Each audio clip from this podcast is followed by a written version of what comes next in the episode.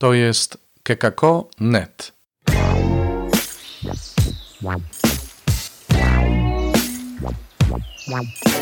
Poranny suplement diety.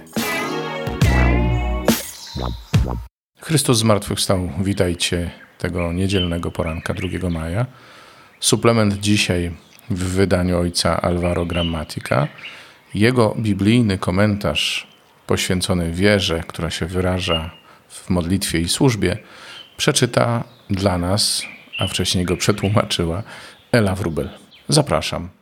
Komentarz ojca Alvaro Gramatyka do Ewangelii według świętego Jana, rozdział 15, wersety od 1 do 8, na piątą niedzielę wielkanocną 2 maja 2021 roku. Ja jestem prawdziwym krzewem winnym, a ojciec mój jest tym, który go uprawia. Każdą latorośl, która we mnie nie przynosi owocu, odcina, a każdą, która przynosi owoc, oczyszcza, aby przynosiła owoc obfitszy. Wy już jesteście czyści dzięki słowu, które wypowiedziałem do was. Wytrwajcie we mnie, a ja będę trwał w was. Podobnie jak latorośl nie może przynosić owocu sama z siebie, jeśli nie trwa w winnym krzewie, tak samo i wy, jeżeli we mnie trwać nie będziecie. Ja jestem krzewem winnym, wy latoroślami. Kto trwa we mnie, a ja w nim, ten przynosi owoc obfity, ponieważ beze mnie nic nie możecie uczynić. Ten, kto we mnie nie trwa, zostanie wyrzucony jak winna latorośl i uschnie, i zbiera się ją i wrzuca do ognia i płonie. Jeżeli we mnie trwać będziecie, a słowa moje w was, poproście o cokolwiek chcecie, a to wam się spełni. Ojciec mój przez to dozna chwały, że owoc obfity przyniesiecie i staniecie się moimi uczniami. Jezus posługuje się obrazem latorośli złączonej z krzewem winnym, aby podkreślić, że bez niego nie możemy wydawać owocu i że jesteśmy powołani do wydawania owocu obfitego. On jest źródłem życia i sprawia, że jest ono piękne i owocne, pełne i atrakcyjne. Natychmiast nasuwają się dwa pytania. Co to znaczy wydawać owoc i co należy zrobić, aby pozostać zjednoczonym z Jezusem?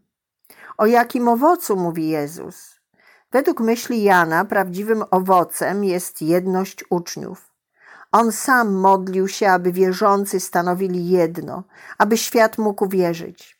Zwykle uważa się, że wydawanie owoców oznacza prowadzenie życia zdrowego moralnie, intensywne życie modlitwy, ewangelizację, posiadanie szczególnych darów i charyzmatów, czynienie wielkich i hojnych dzieł miłosierdzia, a nawet sukces pastoralny.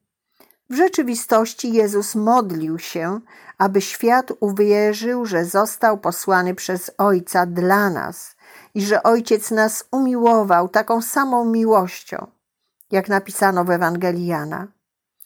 Aby wszyscy stanowili jedno, jak Ty, Ojcze, we mnie, a ja w Tobie, aby i oni stanowili w nas jedno, aby świat uwierzył, żeś Ty mnie posłał i także chwałę, którą mi dałeś, przekazałem im, aby stanowili jedno, tak jak my jedno stanowimy.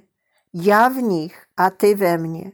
Oby się tak zespolili w jedno, aby świat poznał, żeś Ty mnie posłał i żeś Ty ich umiłował tak, jak mnie umiłowałeś. Ewangelia według świętego Jana, rozdział 17, wersety 21 do 23.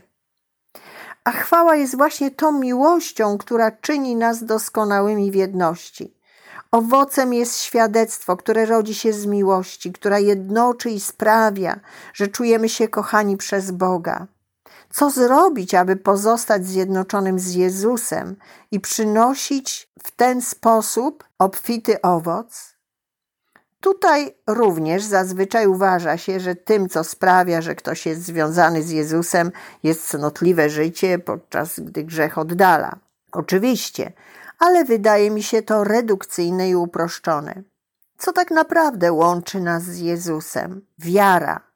a wiara wyraża się zasadniczo poprzez dwie postawy modlitwę i służbę. W istocie tak właśnie czynił Jezus, który pozostawał w ciągłym dialogu z Ojcem i umywał nogi swoim uczniom. Kiedy Jezus wskrzesza Łazarza, zapewnia, że Ojciec zawsze go wysłuchuje. Jest to modlitwa pełna ufności, w której ośmiela się prosić o to, co niemożliwe. Nie waha się też przyjąć postawę niewolnika, umywając nogi podczas ostatniej wieczerzy.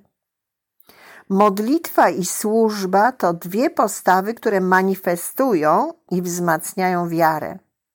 Oto więc końcowe wezwanie, aby Jego słowa trwały w nas, słowa, w których prosi o jedność i o naśladowanie Go w miłowaniu braci i służeniu im. A Jego słowa pozostają w nas na tyle, na ile umieścimy je w naszym wnętrzu poprzez modlitewne czytanie Ewangelii.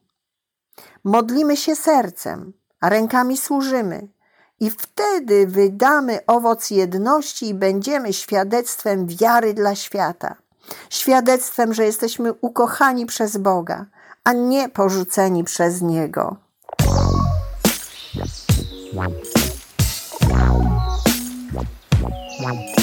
Czytaj Pismo Święte.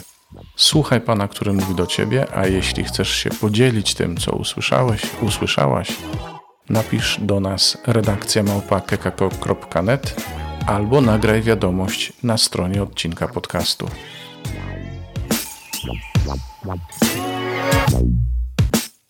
Wow, wow, wow.